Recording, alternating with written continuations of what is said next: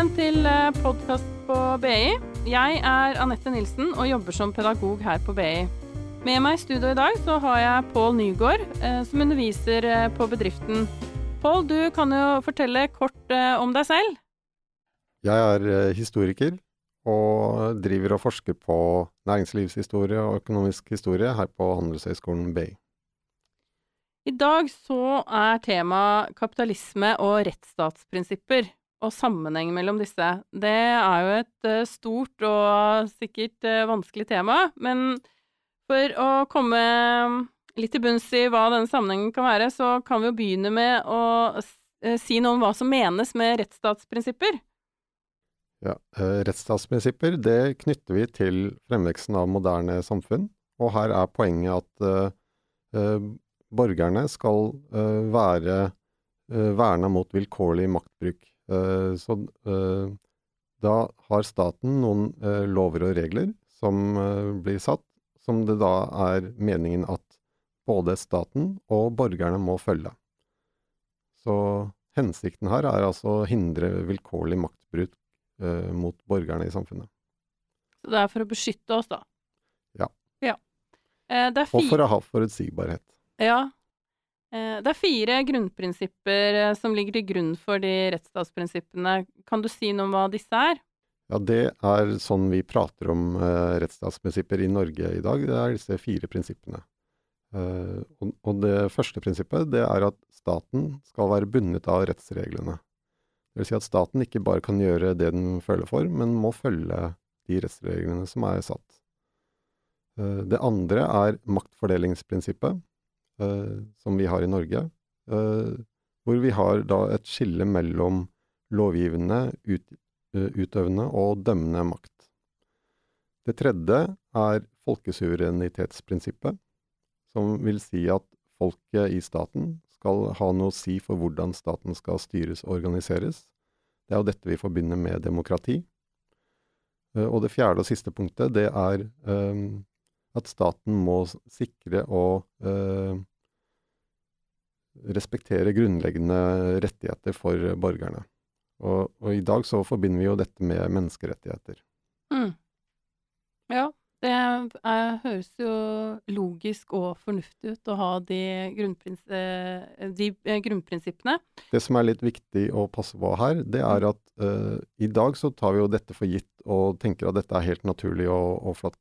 Mm. Uh, men dette har jo da altså vokst fram gjennom historien, og det er ikke noe som bare Eh, er noe sånn logisk endepunkt på historien, men eh, på en eller annen eh, tid, omkring 1700-tallet, så, så, begynte da denne bevegelsen mot det vi i dag kjenner som disse rettsstatsprinsippene. Mm. I vårt gradvis, samfunn, da. I vårt samfunn. Ja. For det er vel samfunn i dag som kanskje ikke forholder seg til dette på samme måte? Det er riktig. Ja. Da eh, skulle vi også se litt på sammenheng mellom kapitalisme og rettsstatsprinsipper, så da eh, er det fint også om du kan si noe om hva eh, kapitalismen er. Altså eh, litt sånn så kort som mulig, da, for jeg regner med at det er et stort eh, tema. Eh, og jeg syns også jeg har lest noen steder at kapitalisme og markeds, markedsøkonomi er det samme. men er det det? Det er det stor uenighet om. Men vi kan jo eh, si det sånn her at eh, de fleste setter et likhetstegn mellom markedsøkonomi og ka kapitalisme.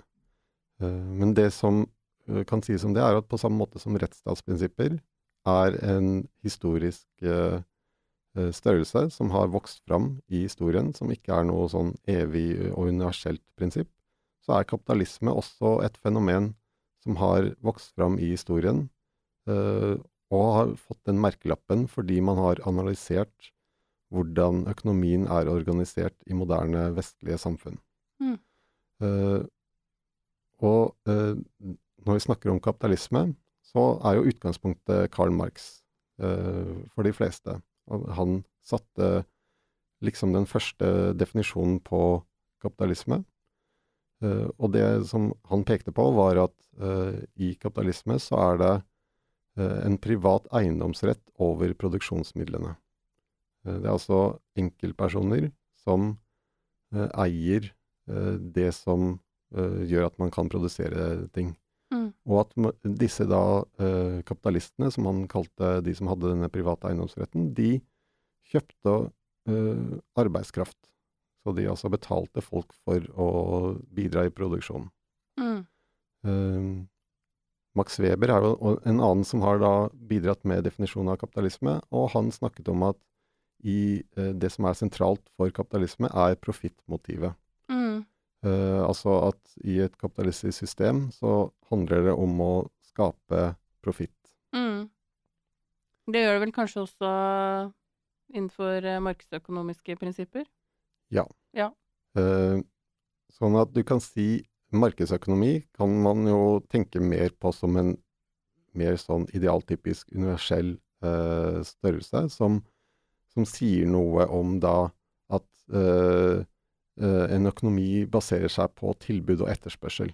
Mens kapitalisme er mer et eh, historisk begrep som kobles til moderne vestlige samfunn, og hvordan økonomien er organisert der.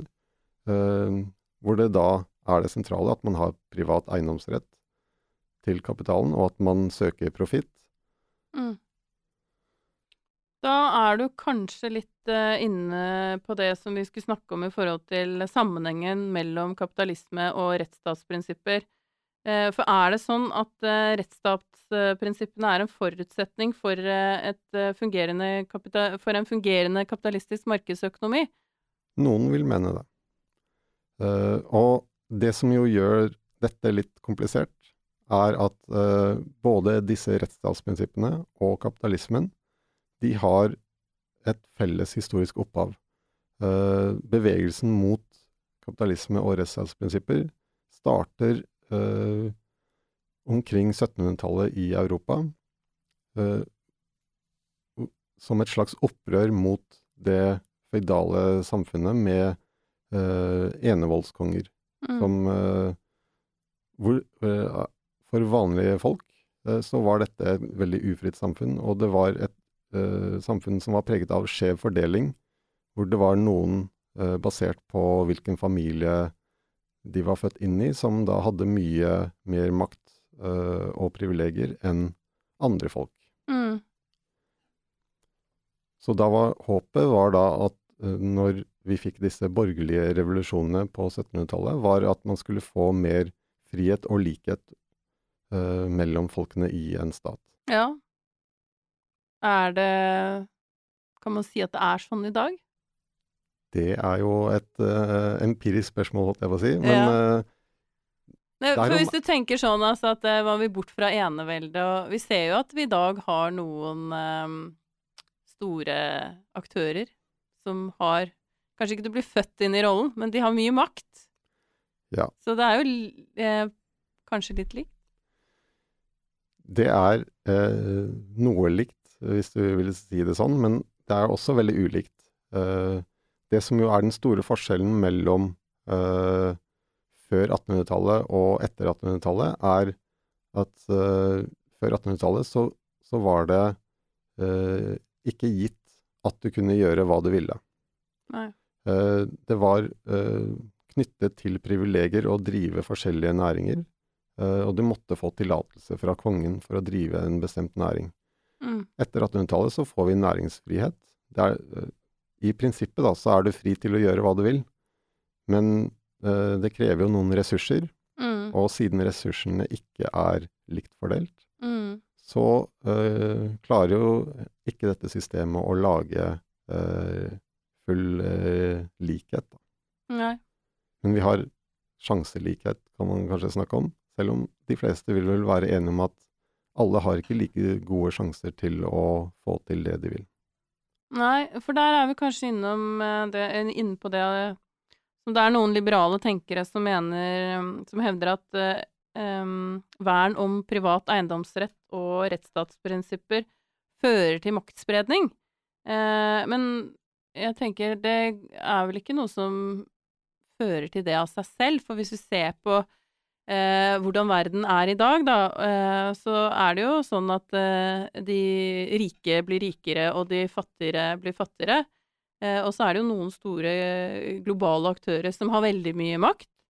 Eh, og som Så at privat eiendomsrett og rettsstatsprinsipp i seg selv fører til maktspredning, det syns jeg kanskje er litt eh, Jeg er litt usikker på.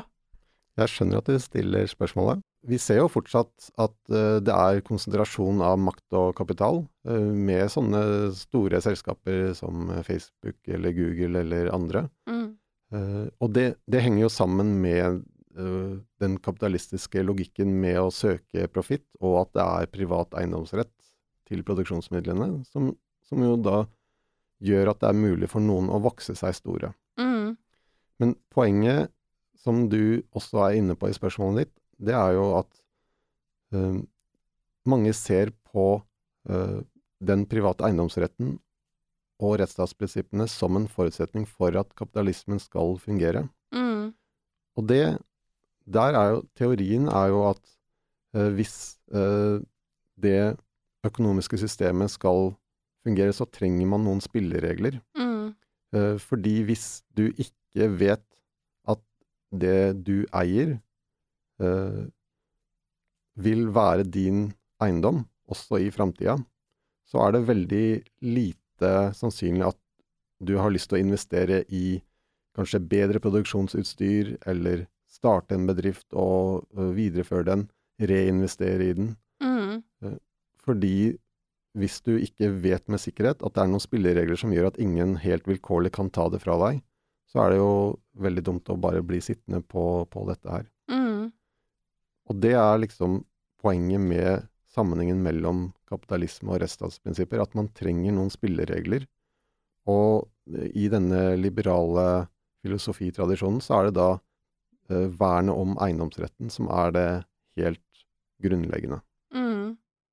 Men det er jo En ting er jo å ta på eiendomsretten, men eh, det er jo Det kan jo være at eh, den eiendommen du besitter, eller den varen du besitter, da, at den plutselig ikke har noe verdi lenger, og at markedet bestemmer det.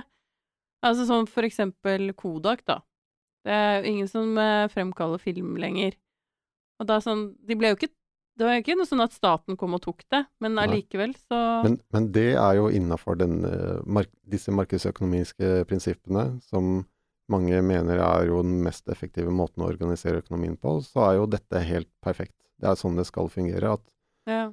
eh, tilbud og etterspørsel justerer hverandre, og, og hvis det ikke lenger er etterspørsel etter det du produserer eller prøver å selge, Mm. så, så må du finne på noe annet og bedre å gjøre. Ja. Og, og det er liksom en mye mer effektiv måte enn at noen skal sitte og bestemme hva det er som skal produseres og selges. Mm. Det er mye bedre at uh, folket selv bestemmer via de, disse markedsmekanismene som tilbud og etterspørsel er. Mm. Men det jeg også syns er litt utfordrende, da, med Hvis man tenker uh, innenfor denne mm, Innenfor denne tankegangen som du, du snakker om nå, det er jo at det, det er akkurat som en, det er en sånn uuttalt forutsetning om at um, alle har tilgang til kapital, eller at kapital er tilgjengelig for alle. Uh, og, og sånn uh, er jo ikke virkeligheten. Ja. Nå er det jo veldig vanskelig å lage uh, teorier som passer perfekt med virkeligheten. Ja. Eh, og, og det er klart at i en eh, sånn eh, idealisert tenkt verden, så høres det veldig flott ut, eh, denne liberale teoritradisjonen, hvor eh, å verne om eh, den private eiendomsretten og sørge for eh, passende spilleregler, sånn at eh, markedsmekanismene kan utfolde seg fritt, vil skaffe eh, frihet og, og sjanselikhet og, og effektiv organisering av økonomien. Mm. Men dessverre så er jo virkeligheten ikke alltid så enkel som denne teorien eh, tilsier. Og, og det er eh, mye rart som kan skje som gjør at eh, eh, det ikke gir da eh, frihet og likhet for alle, og, men uh, istedenfor så ser man at makt og kapital kan konsentreres. Mm. Eh, for det er jo sånn at eh, når man da tok bort dette strenge systemet fra det, det føydale systemet, eh, hvor, hvor det var noen på toppen som satt og bestemte hvem som skulle gjøre hva, Mm. og fordelte eh, goder og rikdom eh, nedover, så eh, da så man jo det for seg at uh, det nye systemet med næringsfrihet, rettsstatsprinsipper og frihet, likhet og brorskap, da skulle liksom man spre makt og kapital. Mm. Men så er det jo, som du er inne på, da, at uh, no, fordelingen av rikdom og ressurser og makt ble jo ikke med bare utsletta, sånn at alle starta på, på, scratch og um, man kunne liksom ha full sjanselikhet. Man starta jo innafor et system hvor rikdom, makt og ressurser var ujevnt fordelt i utgangspunktet. Mm. Og det, det, gjelder jo både innenfor land, men også da mellom land. Mm. Uh, og, og, disse uh, ulikhetene har jo variert uh, siden 1800-tallet. Mm. Men, men, de har jo en tendens til å forsterke seg, fordi det, man stiller jo bedre når man har makt og ressurser enn de som ikke har det. Ja, det kommer jo Jeg tenker Det er jo også Det ligger jo også i dette her at eh, økonomi er den eneste driveren. Altså økonomi og velstand, da. Eh, og at det gir makt. Eh, og det kan man jo kanskje også stille spørsmålstegn til i et samfunn, om det liksom er den eneste driveren, da. Da tror jeg du tar litt feil, fordi eh, når vi da snakker om sammenhengen mellom eh, kapitalisme og rettsstatsprinsipper, mm. Så ser vi ikke bare på økonomi. Men Nei. da er hele poenget at vi ser at økonomien er en del av et samfunn, og hvordan det organiseres. Og for å forstå uh, hvordan kapitalismen har utvikla seg, så er vi også nødt for å se hvordan organiseringen av samfunnet i sin helhet har Mm. utvikla seg. Og Det er derfor vi snakker om en sammenheng mellom rettsstatsprinsipper og kapitalisme. Uh, fordi i hvert fall sånn historien har vært. For uh, Norge, Europa, så er det en sammenheng mellom utviklingen av rettsstatsprinsipper og kapitalisme. Ja. Men det betyr jo ikke at det er en nødvendig sammenheng. Det, bare, det var bare sånn det skjedde i Europa fra 1700-tallet. Ja, så det ene forutsetter ikke det andre nødvendigvis? det ene fører ikke nødvendigvis til det andre. Fordi Nei. man kunne jo sett for seg at Og noen mener jo det, at øhm, det at vi fikk rettsstatsprinsipper, det gjorde at vi fikk eh, kapitalisme. Ja. Og da tenker man jo at hvis bare andre land uh, innfører rettsstatsprinsipper, så vil de også få uh, kapitalisme. Mm. Og da vil det gå dem godt, og de kan leve vel og lenge i verden. mm. Men på den andre siden så er det noen som mener at nei, hvis man bare innfører kapitalisme, så vil rettsstatsprinsippene og demokrati komme som en nødvendighet av det. Ok. Men da tenker man veldig eurosentristisk, eh, Mm. fordi vi har da hatt denne historiske erfaringen at dette, disse to eh, fenomenene utvikla seg parallelt. Mm. Så tenker vi at det er en nødvendig sammenheng mellom de. Men så enkelt er det jo ikke, for hvis vi ser f.eks. til Russland og Kina, Ja. land som har innført kapitalisme eh, etter eh, sosialisme, Mm. Så er det jo vanskelig å Og det er veldig få som vil mene at de har noe rettsstatsprinsipper eller uh, demokrati. I hvert fall ikke demokrati. Uh, Ja. og, og Det er vel kanskje en annen stiller- diskusjon. stiller spørsmålstegn ved uh, om de følger rettsstatsprinsipper, i hvert fall. Ja. Så, så, så det utfordrer jo vår tanke sånn her hvor vi er liksom vokst opp i Europa, hvor det naturlige er at rettsstatsprinsipper og kapitalisme henger sammen. Mm. Når vi da ser at å ja, det går an å innføre kapitalisme uten å ta hele pakka. Mm. Ja, nå er jo ikke hensikten i denne podkasten å gå inn på en større politisk eh, diskusjon om eh, Russland og, og Kina, men eh, når du nevner de, så er det vel sånn at vi stiller spørsmålstegn til eh, hvordan staten der legitimerer sin bruk av vold. Eh, og det med mm, legitim bruk av vold er jo også Det er en sam sammenheng der mellom legitim bruk av vold, kapitalisme og markedsøkonomi. Eh, kan du si noe mer om det? Det kan jeg prøve. Eh, det som er eh, Det dette springer ut av, da, det er at eh, Max Weber, eh, som jo er den som har gitt oss liksom den vitenskapelige forklaringen på hvordan de moderne statene i Europa utvikla seg, han har en uh, definisjon av hva en stat er. Og der sier han at uh, i en stat så har staten uh, monopol på legitim voldsbruk. Så staten har altså et voldsmonopol. Men det holder jo ikke å bare si at staten har voldsmonopol, fordi hvis du sier det, så, så kan jo staten egentlig drive vilkårlig maktbruk overfor borgerne sine. Mm. Fordi eh, det er bare staten som kan drive vold. Men hva, hva, ligger, hva ligger i dette her? Det høres jo veldig voldelig ut. Mm. Eh, voldsmonopol, det dreier seg jo egentlig om maktbruk. Mm. Eh, så det vil si at eh, i en moderne stat, sånn som Weber definerer det, hvor det er bare staten som har voldsmonopol, så er det ingen andre som kan Eller jeg kan ikke gå bort til deg og bare vilkårlig ta fra deg uh, eh, iPhonen din. Uh, Nei. det, er, det, er, det er at jeg utøver vold mot deg. Jeg Ja. bruker min makt Uh, Nå kan du late som jeg er sterkere enn deg, så da kunne jo jeg bare tatt eh, telefonen din. Ja. Men i moderne stater, ifølge Weber, da, så er det sånn at det er bare staten som kan drive eh, makt overfor personer. Eh, og, men, eh, og det gjør de jo som en regel da, ved eh, at man har et politi Mm. til å liksom passe på at ting foregår i ordnede former innenfor grensene.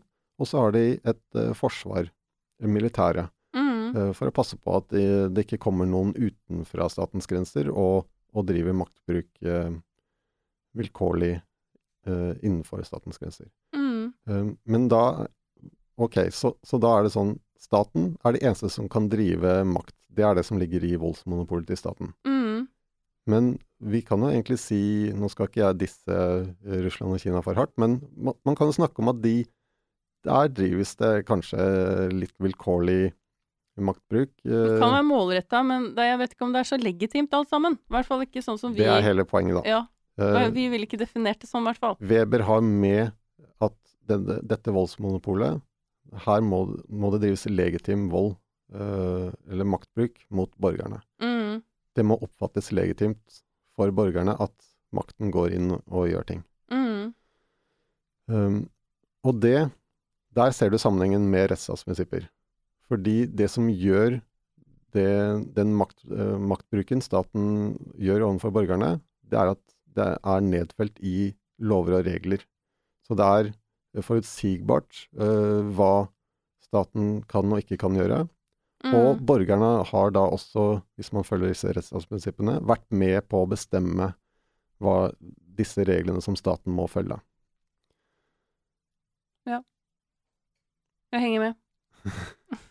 Vi må holde oss litt hos Weber fortsatt, fordi han har virkelig uh, styrt hvordan vi forstår moderne stater. Mm. Um, og det som Nå har han da sagt at staten har eh, legitim voldsmonopol. Og det funker via politi og militære. Men for å få hele dette systemet til å fungere, så har jo disse moderne vestlige statene eh, utviklet seg, og man har lagt på flere og flere retts, rettsregler. Eh, og for å få hele dette systemet til å fungere, så trenger man eh, et byråkrati for å holde eh, kontroll på hva man gjør og ikke gjør, og, og man trenger også et rettssystem. Så ikke bare politi, men man må også ha en, et rettssystem. Og for å eh, holde alt dette her med byråkrati, politi, militære og rettssystemet i drift, så trenger staten inntekter. Og det gjør vi ved å kreve inn skatter. Eh, Og det er jo også en maktbruk overfor borgerne. Så vi tar fra borgerne det som egentlig er deres eiendom.